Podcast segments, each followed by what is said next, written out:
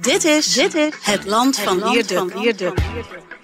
Tot nog toe heeft Wilde zich altijd gehouden aan de democratische consensus. Een podcast van de Telegraaf met analyses op het nieuws die u elders niet hoort. Als je ziet in de statistieken hoeveel van de Somaliërs en de Eritreërs bijvoorbeeld in de werkloosheid zitten, in de bijstand zitten. Dat, dat wordt dus gewoon nooit iets. Ja. Die gaan niet integreren, die gaan niet assimileren. Met Wierduk en Roel den Auto. Hey Wiert, welkom. Ik eh, heb je gemist vorige week en je kan nu onthullen waar je was. Ik had eh, beslommeringen, maar ehm, dat waren wel leuke beslommeringen, want we waren op reis in eh, Zuid-Afrika.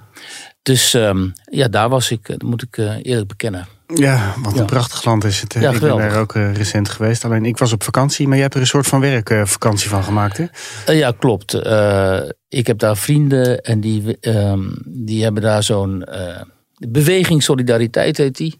En die, ehm, ja, kijk, je hebt daar te maken met een falende staat. Eh, eh, die wordt geleid door de ANC.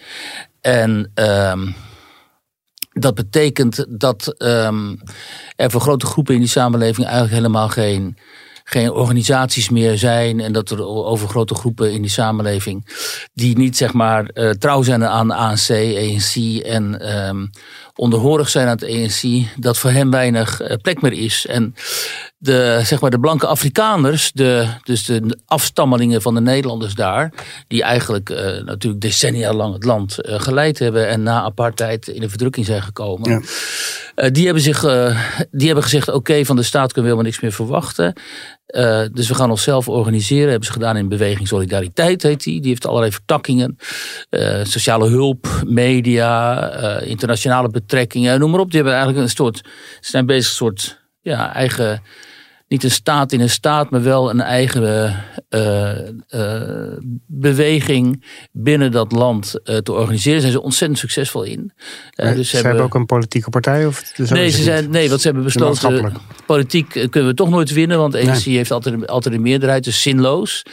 Ehm, eh, dus dat hebben ze niet gedaan. Maar wat ze dus wel doen, is zich maatschappelijk. Ze, ze creëren gewoon een eigen maatschappelijk middenveld voor zichzelf. Ze hebben heel veel leden. Ze betaalden, betaalden leden iets van 500.000 of zo. Nou, op 2,5 miljoen van Wow, die ja. Afrikaners is dat heel Zeker. veel. Eh, ze hebben eigen eh, media, eigen scholen, eigen universiteit, academia, eigen technische opleiding, ook eh, Soltech. En ja, als je dat ziet, dat is allemaal heel erg indrukwekkend, omdat ze dus gewoon heel succesvol zijn in het organiseren en mobiliseren van hun achterban. En voordat mensen gaan denken, ja, dat zijn die blanke apartheids-Afrikanen. Eh, dat is allemaal flauwekul, omdat die apartheid zoals 30 jaar geleden. En deze mensen begrijpen ook heel goed dat apartheid gewoon een heel slecht eh, systeem was en een immoreel systeem. Alleen het is wel zo dat als je dan opeens door de ANC wordt, eh, of niet opeens, maar als je dan decennia lang door ANC wordt geregeerd, bestuurd. En die partij die faalt op alle punten, waardoor er ehm, zowel een grote problemen zijn met de infrastructuur als met de veiligheid. Hè, die beruchte plaasmoorden, die aanvallen op boerderijen van overwegend blanke boeren, maar niet alleen blanke boeren. Die dan ook nog eens een keer afgrijzelijk worden gemarteld voordat ze worden vermoord en zo. Dat is een enorm probleem daar. Eh, sowieso moorden en verkrachtingen. Dat is vooral trouwens in de townships, zo moet ik zeggen. En in de plakkerskampen. Dat zijn een soort ja, informele krotwoningen die immigranten vanuit andere delen van het land bouwen bij de grote steden. Heb je ook gezien natuurlijk Ja, die daar was. ja. Die, die, de blikken huisjes, zeg maar. Uitgestrekte Ja. blikken huisjes, zegt niet, Ach, niet- ja, Ja, zegt niet te geloven. En ja, daar vindt natuurlijk heel veel criminaliteit en drugsgebruik eh, plaats. En daar wordt ook nauwelijks tegen opgetreden door de overheid. Want die overheid is zo krankzinnig corrupt. Ja. Dus eh, Solidariteit heeft zijn eigen, eh, ook zijn eigen veiligheidsdienst. Ja, ja. Maar die mensen zijn bewapend? Of? Ja, die zijn ook bewaard. Oh ik ben wel eens met zo'n burgerwacht mee geweest s'avonds. Dan heb je Ja. dus eh, ja, tien van die bakkies, hè, van die trucks, pick-ups Ja. en andere auto's. En er zitten die kerels in, die hebben gewoon au- automatische wapens en gewoon ook eh, handpistolen en zo. En dan controleren ze daar dus eh, de buurten. En eh, daar zijn heel veel mensen, ook niet blank, heel blij mee. Ook eh, heel veel bruin mensen en zwart mensen, zoals dat heet, die komen Ja. bij hen op bezoek. En die vragen, hoe doen jullie dat? Want wij voelen ons ook onveilig. Ja, ik kan me voorstellen, ja, als je dat ziet in die achterbuurten. ja, dus dan zeggen ze, eh, wij willen van jullie leren hoe jullie jezelf hebben georganiseerd. Want heel veel gaat daar in Zuid-Afrika natuurlijk volgens gewoon de gemeenschap, volgens stammen. Hè? Dus de Zulus, de Xhosa en noem maar op. Al die verschillende stammen hebben allemaal hun eigen, ja, hun eigen mensen en hun eigen thuislanden ook eigenlijk. En Ja, een deel daarvan meldt zich dan bij uh, Solidariteit. De Afrikaners zijn zichzelf ook gezien als een van de, van de stammen daar. De White Tribe, Last White Tribe of Africa. Ja. En wat heel interessant was tijdens die reis is... We zijn begonnen in Kaapstad en hebben we ook met bijvoorbeeld de burgemeester van Kaapstad gesproken, blanke man. En met de liberale politici. En van de DA, Democratic Alliance. En, uh, de, dus die, en die besturen daar de Westkaap, zoals het heet. De DA, dus zijn de liberals, zeg maar. Dus uh, de progressieve blanken, maar ook zwarte zitten in die partij. Uh, zeker ook, wordt aangevoerd door, die partij wordt aangevoerd door uh, zwarte leider die dan weer eens getrouwd is met een blanke Engelse. Dus dat is allemaal heel erg gemixt, raciaal. En die burgemeester, geweldig vent, die gozer was volgens mij wel 40 of zo. Enorm gezien, indrukwekkende kerel. Heel populair, want die doet het heel goed. Dus Kaapstad doet het veel beter dan de rest van het land. Het is echt een wereld van verschil tussen Johannesburg en Kaapstad. Enorm verschil. En um, en het leuke is dan, als je met de burgemeester praat, dat hij zegt: uh, We hebben heel, onderhouden hele goede contacten met de Afrikaners. Hij spreekt ook Afrikaans, hè, dus dat is die op Nederlands gebaseerde taal. Want wij vinden hen ook dat zij het heel goed doen. En ze zijn een voorbeeld ook voor ons, van, nou ja, voor hoe het kan. En we spraken de hele avond met een geweldige vrouw. Um, die komt echt uit de liberal beweging. Is ook actief voor Democratic Alliance. Die was met ons eten, dus ook met die vriend van ons van Solidariteit. En uh, geweldige, uh, inspirerende en indrukwekkende vrouw. Die komt dus helemaal uit de hoek van de anti-apartheidsbeweging, weet je wel. Um, en die zegt nu ook van de Afrikaners die zijn het hart van wat Zuid-Afrika zou moeten en kunnen zijn, omdat zij zoveel liefde hebben voor het land omdat zij juist ook zich zo goed organiseren, voorbeeldig zijn uh, daarin. Dus wij hebben, als wij het land opnieuw willen opbouwen, als we willen winnen van ANC en het land opnieuw willen opbouwen, dan hebben we heel sterk ook die Afrikaners uh, nodig. Dus dat is alsof iemand van D66 zou zeggen, we hebben heel erg, uh, zeg maar, de, ja, wilde, ja, of de PVV nodig of zo. Ja. Nou, niet dat die Afrikaners PVV zijn, maar nee, nee, nee. ze, liggen, ze zijn natuurlijk uh, rechts, christelen vooral. Hè. Het, dat, het is meer als ze zouden zeggen, we hebben de SGP nodig. Weet je wel? Ja. En uh, ja, dat is natuurlijk ja. heel erg uh, interessant. Die apartheid hangt nog wel echt als een soort van donkere schaduw over dat land heen. Hè. In Kaapstad heb ik gezien nog waar voor, voor een gerechtsgebouw nog die oude bankjes staan van vroeger. Waar zwarte mensen op mochten zitten en waar blanke mensen op mochten zitten. Ja als je dat ziet, dan uh, ja, is het dus wel. Uh, ze hebben een vreselijke geschiedenis daar. Ja, en ANC doet er alles aan om die geschiedenis uit te buiten. In alles ja, wat fout ja. gaat, waarin ze dus zelf schuld hebben, want ze zijn zo verschrikkelijk corrupt en ze nou. kunnen helemaal niet besturen. Zeggen zij ja, dat is de schuld van apartheid. En, uh, en die massa, zeg maar, die, die, die op hen stemmen en die voor een heel groot deel natuurlijk volstrekt niet opgeleid zijn. Die weten, hebben geen idee, die mensen. Ja, die lokken ze met uitkeringen. Ze zeggen, hè, wij geven jullie uitkeringen want veel van die mensen, de werkloosheid daar is ook schrikbarend, echt belachelijk ja, hoog. Ja. En die mensen leven van de staat. En de ANC zegt, ja, als jullie op, bijvoorbeeld op de DA stemmen of op andere partijen, ja, dan uh, nemen die jullie uitkeringen af. Hè, en dan kom je weer in eenzelfde soort ellende terecht als tijdens apartheid. En uh, je hebt zelfs die, hè, die nog extremere tak daar, die van de Julius Malema, die gewoon schreeuwt bij zijn optredens, kill de boer en kill de farmer en zo. Dus het betekent gewoon, ga, ga het platteland op en maak die boeren dood en, en, en, neem het land. En die kan dus ook, uh, die, die, mobiliseert dus zeg maar die hele radicale delen van die massa's. Um, dit jaar zijn er verkiezingen, die zijn hartstikke belangrijk ja, natuurlijk. Zeggen, dat is het ergste. Ja, we weten nog steeds niet wanneer, ook zo raar, maar in mei waarschijnlijk. Ja.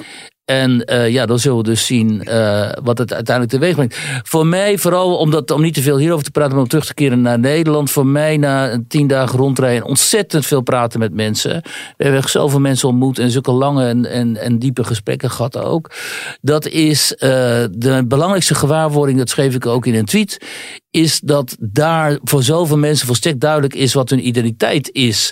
En zelfs de nationale identiteit, dat is dan het Zuid-Afrikaans. Dat celebreer je dan bijvoorbeeld als Zuid-Afrika de rugby wereldkampioenschap wint en zo. Hè. Dat zijn echt van die rainbow teams dan. Blanke, zwarte, bruine ja. mensen die dan succesvol zijn. Maar daarnaast speelt dus heel duidelijk uh, hun eigen groeps... Um, identiteit. Zowel bij de Zulus als bij die andere stammen, als bij, ook bij die Afrikaners. En dan is het heel indrukwekkend om te zien dat op basis van die identiteit zich gemeenschappen vormen. Uh, waarbij volstrekt duidelijk is uh, welke normen en waarden ze hebben, waar ze voor staan, waar je toe behoort. En uh, waar je ook bereid bent je voor in te zetten en eventueel zelfs ook voor uh, te vechten. En ja, dat is in Nederland natuurlijk helemaal verloren. En als ik dat, dat dan op, op Twitter zet, uit de reacties blijkt dan ook dat heel veel mensen er helemaal niets van begrijpen. Hè? Ja. Van, wat, ja, wat is dan die nationale identiteit? En van ja, uh, hoezo, weet je wel, nationale identiteit? We zijn toch allemaal wereldburgers en allemaal dat soort shit en zo. Ja. En nu is het zo, zo jammer in Nederland, ik ga je maar even op door, dat nu rond die, die dwangwet, die spreidingswet, speelt natuurlijk enorm. Uh, die kwestie weer van de immigratie. Nou ja, sinds de val van het kabinet, sinds de verkiezingen speelt het natuurlijk weer enorm. Maar sinds de VVD, de Eerste Kamerfractie, die dwangwet er doorheen heeft gejast, nog meer. En dan zie je een reactie zoals van Forum voor Democratie. Hè, die zetten dan op Twitter van een, een beeld van een artificieel gemaakt beeld. Mm -hmm. Van hele dreigende jonge zwarte mannen met hoodies.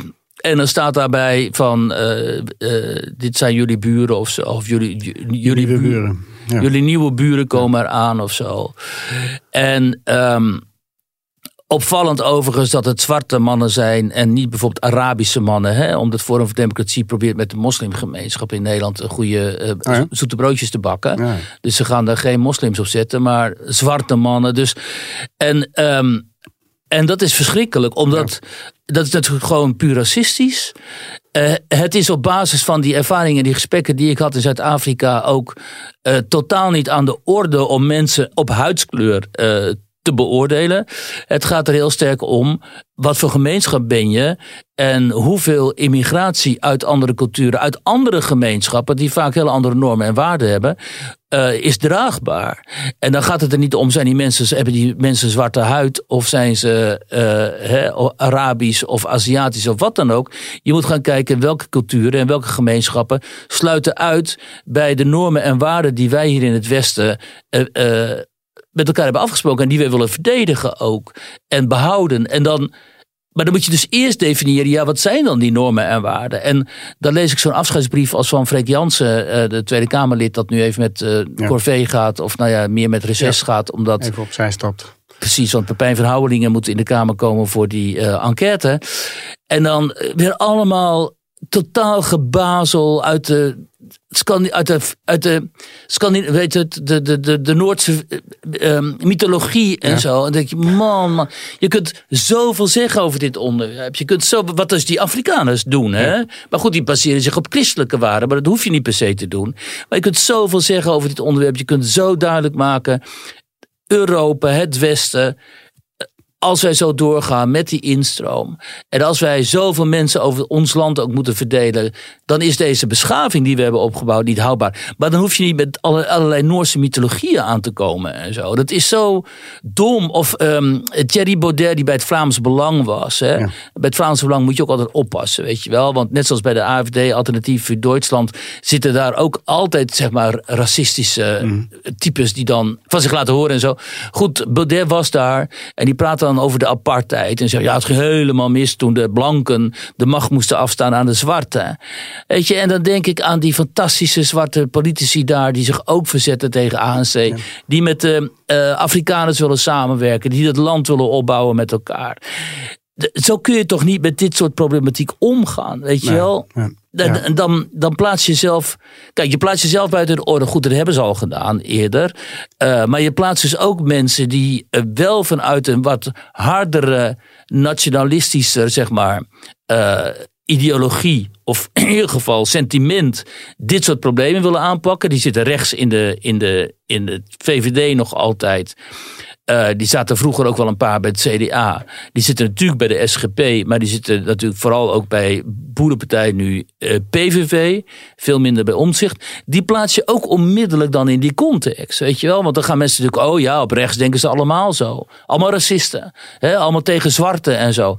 Terwijl, weet je echt, ik bedoel, ik zou het niet moeten hoeven zeggen, maar een van onze beste columnisten bij de uh, Telegraaf, die ook gewoon echt best wel conservatief is, is uh, Asita Kanko. Ja. Hè? Een Afrikaanse ja, Burkina Faso komt, ze is Vlaams nu, schrijft fantastische columns, juist ook over het behoud van de westerse cultuur, de westerse normen. En waar, waar Ayaan Hirsi Ali zich ook natuurlijk permanent over uh, uitdrukte. Dus um, dat luie, makkelijke racisme, weet je wel, dat is, dat is zo schadelijk. En het brengt zoveel schade toe ook aan, aan mensen die daar dan, uh, dan achteraan lopen. Goed, dat wilde ik even gezegd ja, door dat zwart-wit denken gaan mensen zich natuurlijk heel erg terugtrekken op hun eigen groep uiteindelijk. En dat is natuurlijk ook wat in Zuid-Afrika gebeurt. Nou ja, kijk, er is niks mis mee juist als mensen zich terugtrekken in eigen groep. Dat is ook wat die Afrikaners zeggen. Wij bouwen onze gemeenschap, bouwen jullie jullie gemeenschap, willen goede betrekkingen met elkaar onderhouden. Uh, het is niet zo. Um, als je zo'n zogenaamd zo'n Rainbow Nation wil bouwen, zoals Zuid-Afrika dat wilde na apartheid, uh, kijk wat er van de terecht is gekomen. Dat is voor een groot deel volledig mislukt. Uh, als je multiculturele samenleving wil opbouwen, zoals in, hier in westerse landen. Hè, Duitsland was zo blij toen met die welkomenscultuur in 2015. Die dachten, we gaan nu eindelijk echt een multicultureel land worden. Hè? En uh, ons nationale voetbalteam is het al, maar nu gaan we als land ook echt multicultureel worden en zo. Maar het is gewoon mislukt. Omdat je daar culturen naast elkaar zet die um, geen enkele overeenkomst hebben en die elkaars context helemaal niet begrijpen. Wat, wat weten wij, nee, blanke Nederlanders, nou precies van de islamitische uh, cultuur? Heel weinig. Ja. Dat, zie je dus, daar hebben we een leuk fragmentje van. Uh, afgelopen week was er in de jaars, jaarbeurshallen een bijeenkomst van nogal, zo te horen, overtuigde uh, moslimmannen in het algemeen. Nou, daar ging dus zo'n prediker enorm tekeer. En dan krijg je dus uh, 10.000 man of zo, die dan met z'n allen enorm hard daar zitten te roepen. Laten we even horen. Takbir! Takbir! Ja, nou je hoort dus. Een voetbalstadion kunnen zijn. Maar... Ja, er was een omstreden bijeenkomst van die Dawa Stichting uh, Utrecht. Die hadden ook een haatprediker uitgenodigd. Hè? Onze collega Silvan eh, Schoonhoven. Die had het goed in de smiezen. Want die haatprediker die zei allemaal afgrijzelijke dingen over 7 oktober. En over Hamas en noem maar op en zo. En die was, meen ik, door Duitsland al uh, geweerd. Nederland was weer, weer niet op de hoogte natuurlijk. Maar toen Duitsland zei, ja, hij komt het land niet in. Toen uh, besloot Nederland hem ook niet toe te laten. maar ja, je kunt een van die predikers predikers uh, uh, de toegang ontzeggen. En dan komt er een ander. Dus er komt, komt gewoon een ander. Ja, de boel staat op te rijden. En dan zitten dus en die beelden die gingen dus over het internet. En van duizenden van die jonge mannen die daar heel hard Allahu Akbar roepen. En dan kun je honderd keer zeggen, ja, dat doen ze bij de EO Jongerendag ook. Maar dat is niet zo. Het heeft een hele andere betekenis. En, uh, en het heeft een hele andere impact vooral op, op mensen. Dat wilde ik zeggen. Wat weten wij nou Kijk, wat, wat moslims gaan dan zeggen van... ja, dat is gewoon Allahu Akbar, God is groot en zo. Betekent verder niks. Ja. Alleen de gemiddelde Nederlander denkt, wat zie ik hier? Die interpreteert dat als een soort van oorlogsverklaring. Ja. Precies, die denkt, het is gewoon een, een strijdkreet. Wat, wat zie ik hier? Omdat, wat, wat ziet hij normaal gesproken op tv? Er wordt een ter, terreurdaad gepleegd een extreme moslim die nou, snijdt iemand de hals af, zoals Samuel Paty, en die roept heel hard Allahu Akbar. Hè? Of bij IS riepen ze dat ook nogal hard, geloof ik. Dus een Nederlandse gewoon een Nederlandse huisvrouw in Zutphen. Die daar woont met haar man en kind. Die keurig elke dag naar het werk gaan. Die kinderen naar school. Die kijkt hier naar. En die denkt, hoe kan dit in Utrecht? En dan, dan kun je wel zeggen, ja dat moet allemaal. We moeten al die mensen binnenlaten. We moeten nu al die mensen vanwege die dwangwet... waar de VVD dus mee is, eens is gegaan... over het land verspreiden. ze moeten allemaal in al die dorpjes, weet je wel. Alleen het gaat helemaal niet samen. Ja, een deel ervan gaat samen als mensen zich laten opleiden. Als mensen goede banen krijgen en zo. Maar dat is maar een deel. Als je ziet in de statistieken hoeveel van de Somaliërs en de Eritreërs bijvoorbeeld in de werkloosheid zitten, in de bijstand zitten. Dat, dat wordt dus gewoon nooit iets. Die gaan niet integreren, die gaan niet assimileren. Dus, ja, ehm, maar dat zijn natuurlijk de laatste groepen. En uh, groepen die eerder kwamen, daar gaat het vaak wel wat beter mee. Daar gaat het natuurlijk vaak generaties overheen, helaas. Nou, Marokkaanse jongeren hebben inderdaad heel veel succes in de criminaliteit, kun je zeggen. Ja, maar er zitten natuurlijk ook best wel veel uh, die hoog opgeleid zijn en waar het goed mee gaat. Ja, we hebben het al vaker over gehad. Hè? Die uh, middenstandswijkje daar op Katen terecht met middenklasse, allochtonen en zo uiteindelijk, uiteindelijk, gaat het goed komen. Maar nou, ik zeg niet dat het uiteindelijk gaat het helemaal niet goed komen. Dat zie je dus aan al die, al die multiculturele. Waar, waar is een geslaagde multiculturele samenleving dan? Het is helemaal niet gezegd dat het gaat. Uiteindelijk kun je in een soort consensus komen. waarin je met elkaar kunt samenleven. Alleen als je kijkt naar alle Europese landen. waar dus uh, grote, hele grote influx is geweest van mensen uit Afrika en Midden-Oosten. dan zie je dat het in al die landen nu een puinhoop is. in, in Zweden is de puinhoop, waardoor ja. rechtse regering is gekomen. De Denen hebben al hun immigratiebeleid geoutsourced. Duitsland is een enorme puinhoop. Frankrijk is een chaos. Nederland staat onder krankzinnige druk en is eigenlijk, geen, laten we toegeven wat dit betreft, ook gewoon uh, totale puinhoop.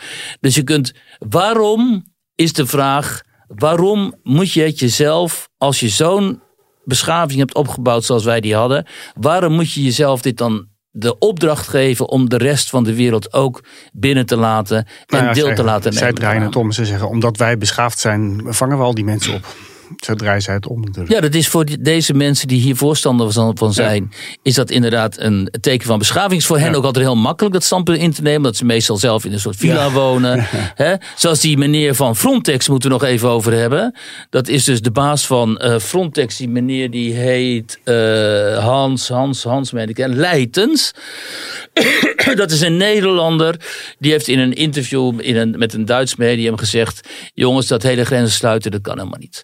Hè? En wat, wie is dan die man? We gaan... Dat zegt D66 ook altijd, hè? Hij is dus getrouwd met een D66 oud-Kamerlid. Dit is dus gewoon een D66 aan het hoofd van Frontex. Frontex uh, hebben wij eigenlijk aangesteld om onze buitengrenzen te bewaken. Maar nu heeft hij dus uh, gezegd uh, dat uh, uh, je kunt niet uh, denken dat strikt beleid gaat helpen, want je kunt een, uh, niet gewoon een kurk op een fles doen en dan stopt de migratie. Dat is een misvatting. Gepraat over mensen tegenhouden, grenzen sluiten, dat kan niet ons centrale verhaal zijn. Niets kan mensen ervan weerhouden een grens over te steken. Geen muur, geen hek, geen zee, geen rivier. Nou, dan denk ik dat zijn die communisten destijds toch maar mooi in geslaagd geweest om, om mensen ja, tegen te houden. binnen, ja. ja. en, en wat hij ook zegt, dat is echt niet te geloven. Dan, hij spreekt dus zeg maar tegen ons, hè, tegen de, de westerse burgers. Die dus decennia lang hebben gezegd: kom maar binnen, we gaan jullie opvangen. Weet je, hier is plek, we gaan er wat aan doen. En zo, al die regeringen, opeenvolgende regeringen, coalities, die hebben eigenlijk de grenzen uh, laten openstaan. Hè. En dan zegt hij. Um, het hele Europese migratiedebat moet een andere kant op. Uh, uh, we moeten naar meer menselijkheid, minder angst voor buitenlanders en minder vooroordelen. Oh, en dat is dan de baas van Frontex. Ja. En die man heeft dus een hele dubieuze geschiedenis. Die is dus ontslagen toen hij de Belastingdienst moet. Hij, was, hij is generaal van de marechaussee of zo. Daarom is hij toen binnengehaald om de Belastingdienst op te schudden. Is totaal mislukt, is ontslagen. Ontslagen maar hij had, ontslag genomen? Nou ja, hij is eh, eruit geduwd, zeg maar. Uh, maar hij had nog wel uh, eh, 40.000 euro aan declaraties ingediend voor etentjes en, en, en, en, vluchten naar her en der en zo. Dus hij had zichzelf wel goed bedeeld, kennelijk. Um, ja, en nu is hij dus de baas van Frontex. Weet je, er gaat helemaal niks veranderen. Helemaal niks veranderen. Ook niet met een centrumrechtse regering als we die al mochten krijgen. Als dit soort good mention, zoals de Duitsers hen noemen uh, van D66 bloeden. als die op dit soort hoge posities zitten. En die zitten overal. Hè, die zitten overal. Um, maar ook dus op dit soort uitvoeringsposities. Ik was in Zuid-Afrika, zoals gezegd. Ja. En ik sprak met die Afrikaners. Die zegt: koning en koningin waren hier, zegt ze. We hebben niets van ze gehoord, helemaal niks. Geen enkele belangstelling voor het Nederlandse verleden hier. Geen enkele belangstelling voor ons, voor de traditie, voor de cultuur. Ik bedoel, vergeet, dit zijn Nederlanders. Hè? Deze mensen heten gewoon Van Heiningen en Van der Merwe en zo. Dit zijn mensen die zijn ooit in de 17e eeuw met Jan van Riebeck daar naartoe gekomen. Mhm. En daarna zijn er nog meer gekomen met de VOC. En die hebben, zich en die hebben daar in dat enorme wilde en woeste en verschrikkelijke klimaat en zo. In die woeste natuur met al die wilde beesten en zo. Hebben ze een bestaan opgebouwd.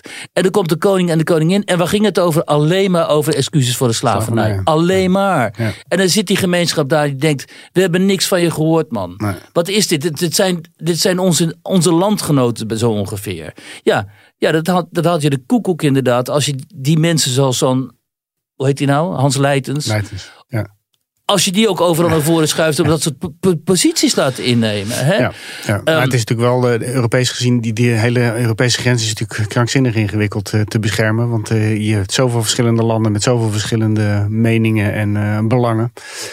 Dat het voor, ook voor zo'n Frontex denk ik ook wel best wel lastig is. Als ze überhaupt al die wil hebben om de, de, de muur dicht te houden. Weet je hoe groot die Sovjet-Unie vroeger was? Ja, ja, die was gigantisch. Immens. Kan geen mens doorheen. Ja. Nou, dus het kan gewoon. Hè? Het kan, maar de politieke wil is er niet. Dat blijkt ook bij zo'n man. Hè? Um, er was nog iets anders. Ga ik even opzoeken. Uh, in 2019 of zo had, meen ik, hij of iemand anders gesproken met uh, de eurocommissaris voor uh, immigratiezaken. En um, wat hij wilde meer wapens. Ze wilden wapens en uniformen voor, voor Frontex. Daar kwam het op neer. Excuse me als het niet helemaal klopt, maar daar kwam het zo ongeveer op neer. Wat zei die? Wat was het antwoord van die eurocommissaris? Ik ga het nu voorlezen. Um, dat, dat is Jilva Johansson. Zo Scandinavië natuurlijk. ja. Um, die eurocommissaris vroeg... Hoezo hebben jullie dat nodig, wapens en uniformen? De immigranten zijn welkom. Waarom heb je dan dit soort zaken nodig? Nou, weet je, dan houdt het gewoon op. Kijk, en dus luisteraars, laat je niet bedotten door al die uh, zogenaamde uh, um, uh, appels uit dat soort kringen voor meer strengheid en zo in de immigratie. Hè? Als Ursula van der Leyen zegt we hebben een strenger immigratiebeleid nodig, moet je haar gewoon niet geloven. Net zoals je dus de VVD Eerste Kamerfractie heeft laten zien. Geloof ze gewoon niet. Want als het uit erop aankomt bij die stemming voor die dwangwet, gaan ze unaniem gaan ze dus uh, om. Ja, en dan zetten ze Dylan Jisselgus in haar hemd. Ja. Ze zetten de Nederlandse bevolking, het merendeel daarvan, dat wel strengere immigratie wil, in hun hemd. Dus het kan ze gewoon niet schelen. maar het wordt steeds duidelijker dat die, eh, de hele VVD nog geregeerd wordt door de oude kliek, zeg maar. En dus uh, dat, er eigenlijk, dat ze eigenlijk niks willen veranderen. Alleen uh, Dylan naar voren hebben geschoven met een paar leuke opmerkingen en, en, kreten. Maar in de praktijk gebeurt er niks. Kijk, onze collega Wouter de Winter heeft ja, daar natuurlijk afgelopen weken enorm gefileerd. Dus zat ik vanuit Zuid-Afrika die stukken te lezen. ja, ja dat klopt volgens mij allemaal. Um, en wat hij ook zei ergens, en wat wij hier ook in de podcast wel vaker hebben gezegd, is hoe kun je het VVD, zeg maar, de, de, de, blik van de VVD op beleid veranderen als je de eerste tien mensen in de fractie, dus de eerste tien mensen op de Kamerlijst, gewoon dezelfde zijn. Inclusief Sophie Hermans en Erik van der Burg. dacht ik al bij die verkiezingen, hoe kan, het, hoe kan er nou iets gaan veranderen als je dit soort mensen allemaal, als die, al die mastodonten er weer op zet? Ja, en dan wat doet dan hè, de Nederlandse journalistiek, met name dan dat programma op één. Dan hebben ze dus avond na avond Ed Nijpels uh, laten ze aan het woord. Die net zo goed eerder voorzitter of eerder lid van D66 of nog erger kunt maken. Want die is in al deze zaken gewoon knetterlinks. Hè? Maar, maar hoe denk jij dat die spreidingswet uiteindelijk uitgevoerd gaat worden? Want die is dan nu aangenomen in de Eerste Kamer. Dus in principe kunnen ze uh, gaan aanwijzen. En kunnen ze tegen gemeentes gaan zeggen: jij moet zoveel asielzoekers op gaan nemen. Ja. Maar ja, uh, voorlopig, als er straks een nieuwe regering zit en deze formatie is succesvol, dan gaan, gaan ze verder helemaal niet spreiden, denk ik. Ik zag dat Ja 21 een, uh, een wetje wil indienen waardoor die spreidingswet dan weer van tafel kan. Hè? Oh, oké. Ja, ja, en um, uh, nou ja, Westland heeft het natuurlijk al laten zien. Eh, Westland zit vol met arbeidsmigranten uit het Oostblok en Polen. En die hebben gezegd, ja, dat kunnen wij helemaal niet. Weet je, dat gaan we helemaal niet trekken. En we willen het ook niet. En in heel veel gemeentes. Hè, kijk, in gemeentes heb je natuurlijk heel vaak um, de situatie dat de burgemeester, dat is dan weer zo'n, zeg maar, van een van de kartelpartijen, zoals het heet. En die wil dan een wit voetje halen in Den Haag, want die wil ook nog eens ooit staatssecretaris worden of zo. En hij krijgt heel veel geld voor die. Hè? Dus je zegt, ja, kom maar op met die eh, vluchtelingen, want uh, ja, we moeten alles eerlijk verdelen en zo. Maar het is puur een kwestie van eh, status, reputatie en geld. Terwijl dan die bevolking heel erg tegen is. Ik ben bij zoveel van dat soort bijeenkomsten geweest waar dan infoavonden zijn en zo, waar de bevolking zegt, we willen dat hier niet. Ik was laatst eens nog voor de krant in zo'n, in zo'n hele zwakke wijk in Den Bosch, waar ze dan ook zo'n uh, eh, AZC krijgen en zo. Ja, die mensen zijn hartstikke bang. Want uh, dat is al een hele kwetsbare wijk, gebeurt al heel veel. En er komen ook nog eens een keer mensen uit, uh, uit Afrika, Midden-Oosten, die ze totaal niet kennen en zo. Die, die de weg niet weten, die niet weten hoe de dingen werken en zo bij ons. Die komen dan ook nog eens een keer daar, weet je wel. Dus die mensen, ja. Maar ja, als je te maken hebt met een overheid die zich daar gewoon niets van aantrekt. en dat hebben we de afgelopen jaren natuurlijk bewezen. Dan, uh, ja, dan lok je natuurlijk uh, reacties uit. En de reacties zijn nu dat, ik meen de EPV inmiddels op 49 staat. En um, ik, ik, elke week zie je die een paar zetels stijgen. Hè? Dat, ja. um, nou, het zal straks met de Europese verkiezingen, als daar een flinke klap wordt uitgedeeld door rechts, dan uh, gaan daar natuurlijk ook wel dingetjes misschien uiteindelijk veranderen. Dat wordt dus heel interessant om te zien. En dat wil ik toch ook nog wel even hier gezegd hebben. En ook naar aanleiding van die kwestie met uh, Forum voor Democratie. Uh, NRC had een goed stuk over um, uh, de, zeg maar de, de invloeden bij de Alternatief voor Duitsland uit identitair extreemrechts. Hè. En um, omdat die AFD die groeit en groeit, hè, net zoals de PVV gegroeid is. En wij denken vaak, ja, maar die AFD is een soort eh, PVV misschien iets, iets heftiger of zo. Maar er zitten gewoon echt heel duidelijk hele racistische, rechtsextremistische uh, types in die partij. Dat is een gevaarlijke partij volgens jou? Nou, deels. En het hangt er heel erg vanaf of die leiding, hè, die Alice Weidel, die ik wel heel erg uh, interessant vind. Uh, hè, uh, een homoseksuele vrouw, leeft samen met de vrouw, is hyper intelligent, spreekt Mandarijn, dat heeft lang in China gewerkt. Enorm intelligente vrouw. Maar ja, als je dan kijkt naar haar, de, de manier waarop ze debatten voert en zo. Ja, zo hard en ook humorloos vaak. En ook. Um, radicaal hè, gaat het er dan naartoe. Maar goed, dat is Duitse politiek in het algemeen hoor, moet ik zeggen. Dat, die staan altijd naar elkaar te schreeuwen daar. Wat ook niet zo handig is, vind ik. Uh, maar goed, die leiding, ja, die moet natuurlijk ingrijpen. Alleen ze weten ook in de Duitse bevolking, met name in het oosten, heb je dus heel, zitten die sentimenten heel diep. Hè, dat is zo'n er is zo'n theorie over, je hebt zeevarende open naties zoals wij, de mhm. Britten en zo. We zijn gewend geweest aan andere culturen. Eeuwenlang in contact geweest met andere culturen. Racisme is daar niet zo, zo virulent of zo. En je hebt heel erg in, in zichzelf gesloten land, land uh, naties, landvolkeren, zeg maar. Dus de Oostenrijkers, maar ook de Duitsers voor het grote deel en zo. Heel erg op elkaar, een beetje dorpsprovinciaal, op, op, op zichzelf betrokken. Buitenstaanders, die worden heel xenofoob daar vaak benaderd door een deel van die mensen. Dat is in Duitsland natuurlijk het geval. Op een heftige, veel heftige manier dan ik ooit in Nederland tegen ben gekomen, moet ik zeggen hoor. En die AFD die profiteert daarvan. Die, die mobiliseert dat sentiment ook en zo.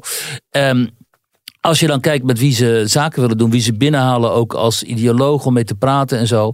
Ja, dat, dat, dat is gewoon niet lekker. En um, um, het kan heel goed zijn, want er zijn hele grote demonstraties geweest de afgelopen weken tegen ex, extreem mhm. dan rechts, tegen rechts in, in Duitsland. En dan scheren ze alles weer over één kam, alles nou, is dan dat extreem rechts. inderdaad weer allemaal over één kam geschoren. Ja. Precies, en dan, het kan heel goed zijn dat zeg maar de gematigde, conservatievere stemmen, krachten zoals ook in Nederland zich dan verzamelen rond de Boerenpartij. En ook wel uh, uh, een beetje omzichten en zo. En voor een groot deel natuurlijk ook in de, in de PVV wel. Ja, die uiteindelijk ten onder zullen gaan in die cacophonie van, van uh, polariserende stemmen in Europa. En dat uiteindelijk, daar preludeert natuurlijk Vorm van Democratie ook alvast op. dat, dat aan de ene kant dus echt radicaal rechts, zoals dan zeg maar de kaalkoppen en zo, komt te staan tegenover de uh, extreem links. Uh, met een deel van de moslimgemeenschap natuurlijk, want die zijn solidair aan elkaar. Um, en dan zullen die middenstemmen, die middenstemmen, die gaan dan helemaal wegvallen. En die worden gewoon die ondergesneeuwd, die raken ondergesneeuwd. En die nuances gaan ook wegvallen. maar een heleboel Duitsers zijn natuurlijk bang voor uh, een herhaling van 1933. Toen het, uh, het totale chaos was in, de, in, in het land en uh, uiteindelijk Hitler de macht greep. Ja. Maar zie jij nu parallellen met wat er nu aan het gebeuren is? Ja, want toen had je straatgevechten en uh, mensen die elkaar allemaal in elkaar sloegen. Wet, totale wetteloosheid. Politie die soms aan de een, soms aan de andere kant stond. Ik heb daar allerlei boeken over gelezen. Nou, Jij weet er alles van nog uit uh, jouw geschiedenisperiode. Uh, nou, zeg nooit nooit. Um, Dat lijkt nu wel zo, alsof dat niet, alsof die democratieën, onze democratieën, te gevestigd zijn en te sterk. Ja. Uh, maar je ziet ook tegelijkertijd hoe enorm, uh, enorm fluctuerend het electoraat is. En hoe toch ook kwetsbaar uh, het establishment is. Hè. Zitten niet voor niets ook nu zo keihard te schreeuwen tegen een eventueel rechtskabinet met Wilders. Omdat ze doodsbang zijn. En ook, je ziet ook op links hoe enorm, uh, zeg maar, hoe, hoezeer zij niet bereid zijn om die verkiezingsuitslag uh, te accepteren in Nederland bijvoorbeeld. Hè? nee. En in Duitsland zie je dus een heel groot deel van de samenleving is niet bereid om die AFD te controleren. Waardoor die AFD natuurlijk nog, nog, nog meer naar rechts schuift. En, waar je ook, en in Nederland heb je het, uh, het risico dat een deel van dat PVV-electoraat en, en wat eventueel PVV wil stemmen, ook steeds meer naar rechts gaat schuiven. Puur als reactie ook op dat onverdraagzame van, die, uh, van, van wat dan centrum links heet, maar wat al lang gewoon voor een heel groot deel uh, extreem links is geworden. Dus die partijen in het midden, dus omzicht, die ik verder helemaal niet hoor en zo, ja, die moeten natuurlijk veel aanweziger zijn. En in Duitsland ook, daar moeten vanuit het midden mensen opstaan en zeggen: jongens, um, wat jij zegt, als het zo doorgaat, dan lopen we het risico dat die samenleving zo uh, verscheurd raakt en zo uiteenspat, uh, dat we in een soort jaren dertig terechtkomen. Macron heeft, uh, voordat ik wegging, geloof ik, had hij dat plan om schooluniformen weer in te voeren en in ieder geval te gaan hebben over wat, wat is nou dat Franse idee, dat idee van de Franse staat. Want hij ziet natuurlijk ook die, die middelpuntvliegende krachten, zo heet dat geloof ik, waardoor die hele samenleving uit elkaar spat. Maar ja, dan, dan, dan benoemt hij weer een 33-jarig jongetje uh, uit zijn eigen entourage tot premier. En die, die homoseksuele jongen die benoemt dan zijn ex-man tot minister.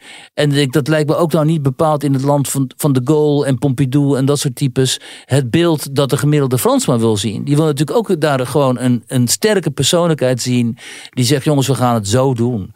En, en dat willen de eh, meerderheid van de Nederlanders en de Duitsers ook, maar ze zijn er niet. Ja, in Nederland heb je Wilders, maar ja, die, um, die ik wel zie als een sterke persoonlijkheid. En ook, daarover werd ik nog ondervraagd op de Zuid-Afrikaanse radio notabene. Oh. Of ik Wilders vergelijk met AFD. En toen heb ik gezegd van nou, tot nog toe heeft Wilders zich altijd gehouden aan de democratische consensus. En die kan een enorm matigend effect hebben, ook op grote groepen, denk Precies. ik. En dat heeft hij ook, volgens mij. Ja, volgens mij ook. En mensen zeggen dan wel, ja, die, die Milders die bestaat niet. Maar ik zie wel degelijk dat Wilders en ook Martin Bosma, die nu Kamervoorzitter is, ondanks al hun scherpe en ruwe kanten, zich houden aan wat, uh, wat de democratische rechtsstaat is. Dan gaan ja. mensen zeggen, ja, maar hij is veroordeeld en zo. Ja. En de Vos verliest zijn streken niet. precies, precies. Maar ik bedoel, kijk maar eens naar andere landen, weet je wel. En wat, ja, je ziet het ook in Italië met Meloni. Uh, die, is er, die is er ook aanzienlijk. Uh, Meloni heeft zich wel heel erg uh, gematigd. Dat was been ingegaan en uiteindelijk... is ook weer niet de bedoeling dat nee. ze zo gematigd zou gaan nee, maar ik, ik, snap ook wel een beetje, als je ziet wat een chaos het daar is... met al die mensen die uit Afrika komen met die bootjes... en, en, en ze geen enkele steun van Europa krijgen. Ik, je moet wel heel pragmatisch zijn. En dat zijn de Italianen natuurlijk ook pragmatisch. Ja, maar ja, hoe moet je daar pragmatisch in zijn? Ik, uh, kijk, we hebben te maken, we hadden ook nog zo'n ja. leuk uh, fragmentje van dat, uh, die mevrouw, die Anne, Anne Marijke Pot heet ze van D66. Die meen ik een paar jaar geleden dan ehm, verwoord wat eigenlijk de, de, de, de, de kletsende klasse, zoals we dat tegenwoordig noemen, het establishment, de elite, vindt van hoe immigratie eruit zou moeten zien. Dat we even laten horen. Iedere extra woning erbij is een gezin extra dat naar Nederland kan komen. Dus de minister kan erop rekenen dat D66 de voortgang op huisvesting nauw gaat volgen. Ja, wat zegt deze vrouw hier nou? Ja, Die zegt namelijk, wel, ja. er moeten huizen komen uh, waardoor er meer gezinnen uit andere landen, dus uit Afrika wel, ja. en uh, Arabische, uh, Arabische wereld, naar Nederland kunnen komen. Dus dan zit je daarnaar te kijken, naar zo'n debat. Als, als diezelfde mevrouw in Zutphen. En dan zie je deze dame van D66 zeggen: er moeten geen woningen komen voor jouw kinderen. Hè, die, die bij jou thuis op hun 27 nog op de bank zitten omdat er geen woningen voor hen zijn. Nee, er moeten meer woningen komen voor, ja, voor mensen uit het buitenland. Voor mensen uit het buitenland. En wij gaan de ja. minister, ik weet niet of het toen al Hugo de Jonge was, nauwgezet daarop volgen. Nog eens, ja, het nog klinkt, ja, klinkt bijna als een verspreking wat ze zegt. Want je kan, het is een soort van mindfuck dat je denkt van hé, dat kan je toch niet zeggen. Dat Omdat kan jij niet zo niet hebben. denkt, maar Nee. deze mensen denken. Ja. Ik zal het je zeggen, deze mevrouw, als hij een gezin uit Afrika voor zich ziet en een Nederlands gezin uit Friesland, hè, waarvan zij denkt, oh, die stemmen misschien wel op de PVV ooit, dan gaat zij pleiten dat het gezin uit Afrika, wat geen enkele binding heeft met ons land, dat dat, dat, dat voorrang krijgt op die, uh, op die Friesen. Zo werkt hun mind. Hè? En omdat wij dat zo moeilijk kunnen begrijpen, dat je dus zo, zeg maar, anti, anti zo zelfhatend bent, dan komt het op neer. Ja, het wel denken wij, dat kan toch niet waar zijn? Nee. Maar dit is D66. En het is wel degelijk waar. D- ik, ik meen dezezelfde mevrouw, of weer iemand anders, ze lijken ook allemaal op elkaar. Die voerde een vreugdedansje uit in de Tweede Kamer. Toen die dwangwet er doorheen kwam, dankzij de V. Laten we, we moeten niet steeds vergeten, dankzij de unanieme steun van de VVD-fractie Ja. in de Eerste Kamer. Die notabene het vorige kabinet liet vallen over de immigratie. Dankzij hun steun kwam die spreidingswet erdoor. En die mevrouw van D66 stond te dansen in de Tweede Kamer. Samen met Jan Paternotte, die een tweetenwereld. Jan Paternotte is eh, fractievoorzitter, meen ik. Of eh, in ieder geval, hij zit in die fractie. Fractievoorzitter is hij, ja. Of is Rob Jetten? dan? Nou, Ja, whatever. Oh, Jo- ja. Jo- Rob is Ja. minister, maar Ja. die... Nou ja. Ehm, Nee. Ja, dit klinkt heel dom, maar goed. Um, Rob is minister, maar die was ook even de leider, de partijleider natuurlijk. En Jan Paternotte is, uh, voor zover ik weet, fractievoorzitter. D66 is zo onbetekenend geworden dat we dat nou, niet meer weten dat tegenwoordig. Wou dat wou ik net zeggen, ja. Die partij stel ik eigenlijk helemaal niks meer Is hij het nog? Die zijn al in de vergetelheid bijna. En Jan die stuurt een tweet de wereld in over hoe geweldig het in 2024 gaat. Dus want ondanks die verkiezingsoverwinning van rechts worden er allemaal van dit soort linkse uh, programmapunten aangenomen. Dus hij schreef zoiets, nou, benieuwd wat ons verder nog te wachten staat in 2024 over zoiets precairs als die spreidingswet, waar zoveel Nederlanders mee in hun maag zitten, waar zoveel Nederlanders bang voor zijn, waar zoveel Nederlanders van denken: het moet niet, we moeten iets doen aan die immigratie. Gaan zij een dansje opvoeren in de Tweede Kamer? Dan ben je dus totaal onthecht. Ja. Nou, de, gemiddelde Nederlander zal denken: spreidingswet fijn, maar dan heb ik nog minder kans op woning, want er wordt al helemaal niks meer gebouwd. Hè. Er was best wel weer een ontluisterend verhaal deze week van onze collega Iteke de Jong dat er uiteindelijk waarschijnlijk 60.000 huizen met, met een beetje geluk uh, gebouwd gaan worden dit jaar. En uh, er moeten er 900.000 komen de komende zes jaar. Dus dat zijn er uh, 150.000 per jaar. En ze bouwen 60. Aantal bouwvergunningen is, las ik, met, bij haar met 25% gedaald. Ja. En uh, uh, ook de corporaties die moesten dus per jaar iets van 30.000 woningen gaan bouwen. Over 2023 zijn daarvan 7.000 gebouwd. Dus dat uh, Hugo de Jonge, die, dus zo'n hashtag Hugo de Jonge kan niks. Ja. Ik weet niet of hij niks kan, maar dit kan hij niet. Ja. En, um, ik weet niet of een ander het wel had opgelost hoor. Ik denk nou, dat, niet uh, als je met die stikstofverlending nee, zit precies, natuurlijk. Je kan gewoon geen kant op. Ja. Ja, maar los daarvan, Nederland is veel te vol. Veel te vol. Dus we bouwen en bouwen en bouwen. We bouwen zometeen al die weilanden en die polders vol. Het zijn allemaal, allemaal huizen en, en, en flats en, en windturbines en zo. Uh, ja, maar laat en dan vertrekt dus een heel groot deel van de Nederlanders gaat vertrekken. Ja. Want die, die, die trekken dit letterlijk niet meer.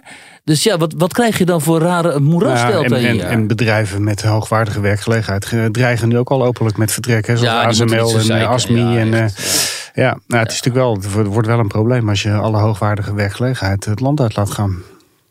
Ja, maar die mensen die zitten hier, die, hebben, die, die kapen al in, in, in Amstelveen. Al, al, er zitten allemaal Indiërs, ze hebben allemaal de huizen weggekaapt voor de jongeren daar. Want die worden vergoed door, de, door de bedrijven waar ze werken. Ze krijgen korting. Ze krijgen korting, belastingvoordelen. Wat zeuren ze nou? Dat is puur zo'n lobby vanuit het bedrijfsleven. Die gaan zeggen, oh, oh, dan gaan wij hier weg. Nou, dan zeg ik doei. Weet je, nee, maar ga dan, ga dan weg. Doe dat dan ook.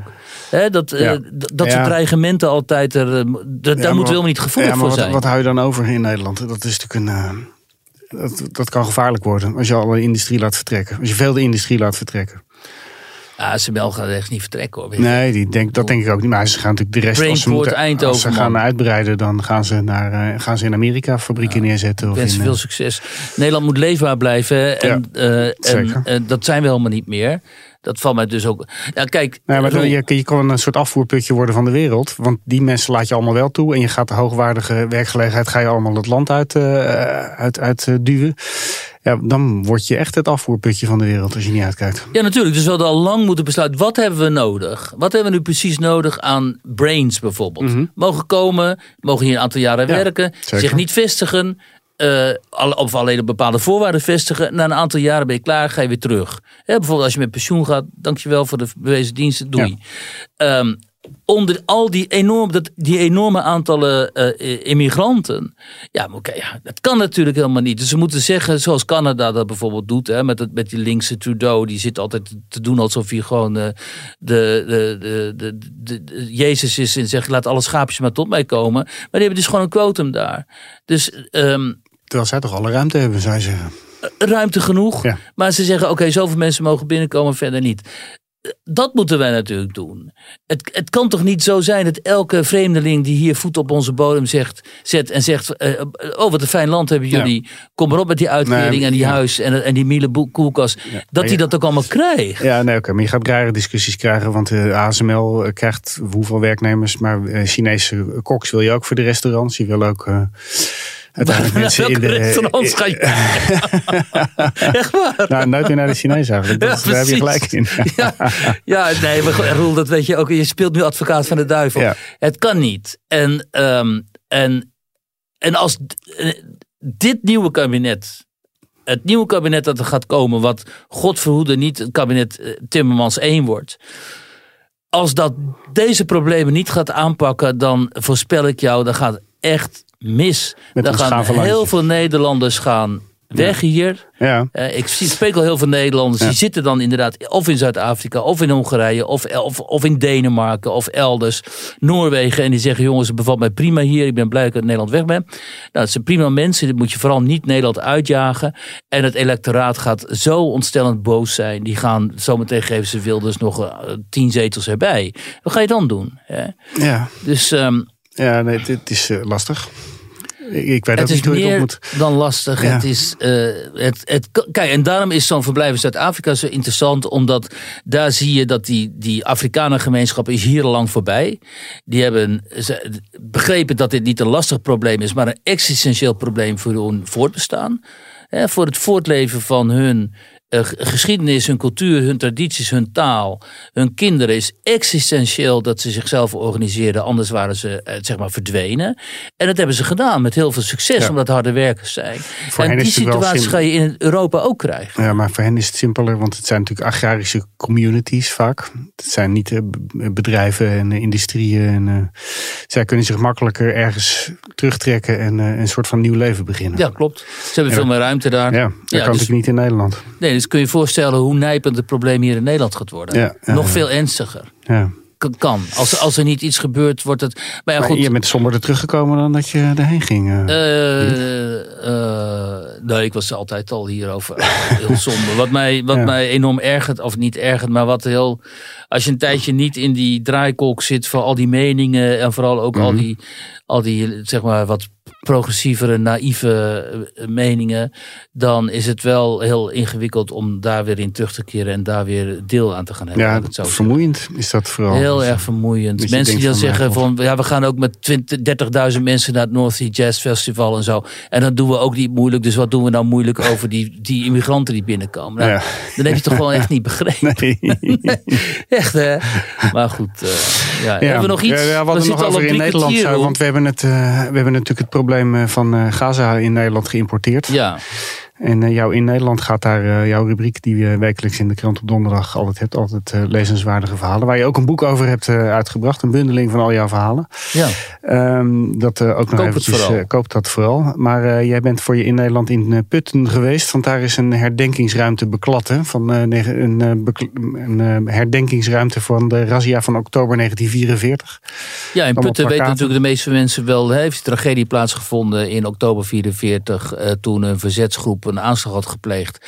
En toen is een heel groot aantal van de mannen daar. eh, in een bepaalde leeftijd tussen 18 en 15, eh, 50 afgevoerd. Een van de grootste drama's ooit in de Nederlandse geschiedenis. Ja, dat ging echt over eh, meer dan 600 mannen. Ja.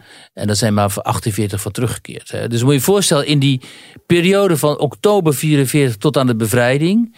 Nou, dat zijn eh, acht maanden Zes- geweest ja, of zo. Zeven maanden, acht. is dus het. Zijn meer dan 600 van die mannen overleden. Hè? Ja. Dat is onvoorstelbaar natuurlijk. Zo slecht waren dus de omstandigheden in die kampen. Want ze kwamen in Nooienkampen terecht, eh, concentratiekampen, maar ook in buitenkampen. En eh, daar moesten ze hard werken. En eh, nou ja, en ehm, eh, ja, niet alleen hard werken, werden natuurlijk afgebeuld. Ja. Als je die verslagen leest van die mensen die, die terugkwamen.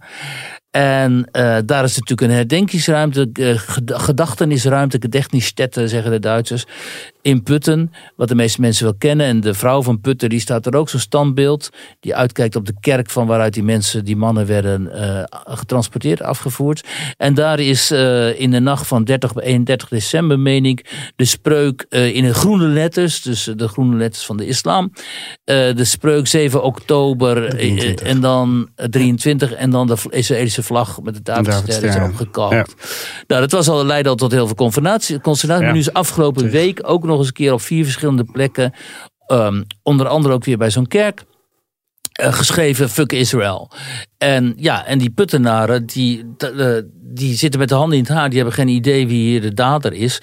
Maar ook is het natuurlijk heel erg pijnlijk, vooral voor die families die eh, met die tragedie moeten leven. En nog altijd, een groot deel van die mensen, zit met die geschiedenis, of is emotioneel vanwege Ja, die geschiedenis diepe wonden, ja.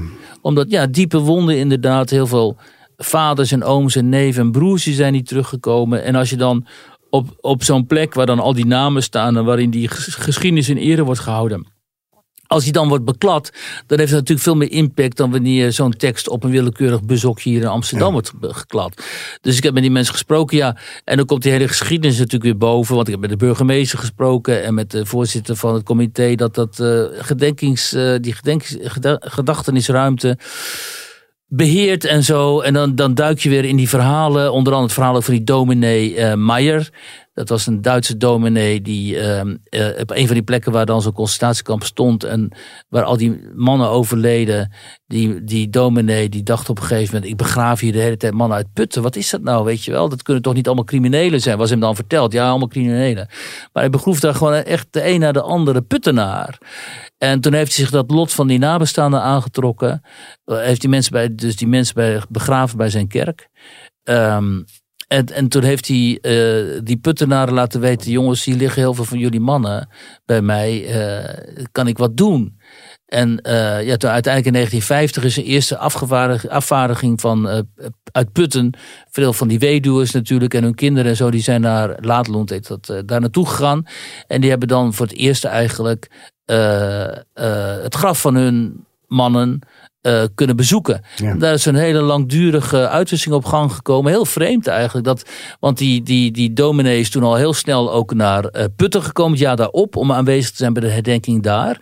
Dus daar zie je dat uh, die Duits-Nederlandse uh, contacten, ja, die, die, die konden wel degelijk al heel snel kennelijk ook bestaan. En die duren tot op de dag van vandaag. Uh, ik zou dat heel moeilijk hebben gevonden, moet ik zeggen. Maar nou ja, zij konden het toch dus wel. En. Meijer die overleed in 58 en toen kwam Harald Richter. Dat was de volgende dominee, die heeft het op meen tot, tot, tot, tot voor kort nog, ergens in 2000 of zo, heeft hij daar gestaan als dominee en die heeft die contacten verder uitgebouwd. Dus er zijn gewoon hele intensieve contacten tussen die twee gemeentes. Het is allemaal maar 80 jaar geleden eigenlijk, 90 jaar geleden. Ja, er zijn natuurlijk nog altijd mensen die kinderen die zich dat herinneren. Ja. En ja. uh, die die verhalen kunnen vertellen. Toen dus, stond uh, de wereld hier ook totaal op zijn kop. Ja, precies. Dus ik dacht, ik wil dit opschrijven zodat mensen ook even weten van, weer, weer beseffen van hoe intens het was en wat voor grote tragedie dat eigenlijk uh, geweest is. En dat je daar niet met. Uh, dat je die niet moet, moet zo moet, kunt bekladden. Zei de burgemeester ook. Als laatste dan, die zei ook de strafmaat voor dit soort dingen is natuurlijk niet zo groot. Maar we willen wel duidelijk maken dat we hier niet met zomaar iets te, te maken hebben. Nee, oké. Ook uh, online te lezen voor wie de krant niet heeft. Gewoon even zoeken op Putten en abonnement nemen. Want uh, deze podcast is al gratis. Dus het is wat, ja. Ik spreek jou volgende week weer. Of misschien is het van een klein Dank je wel. Ja, oké. Okay.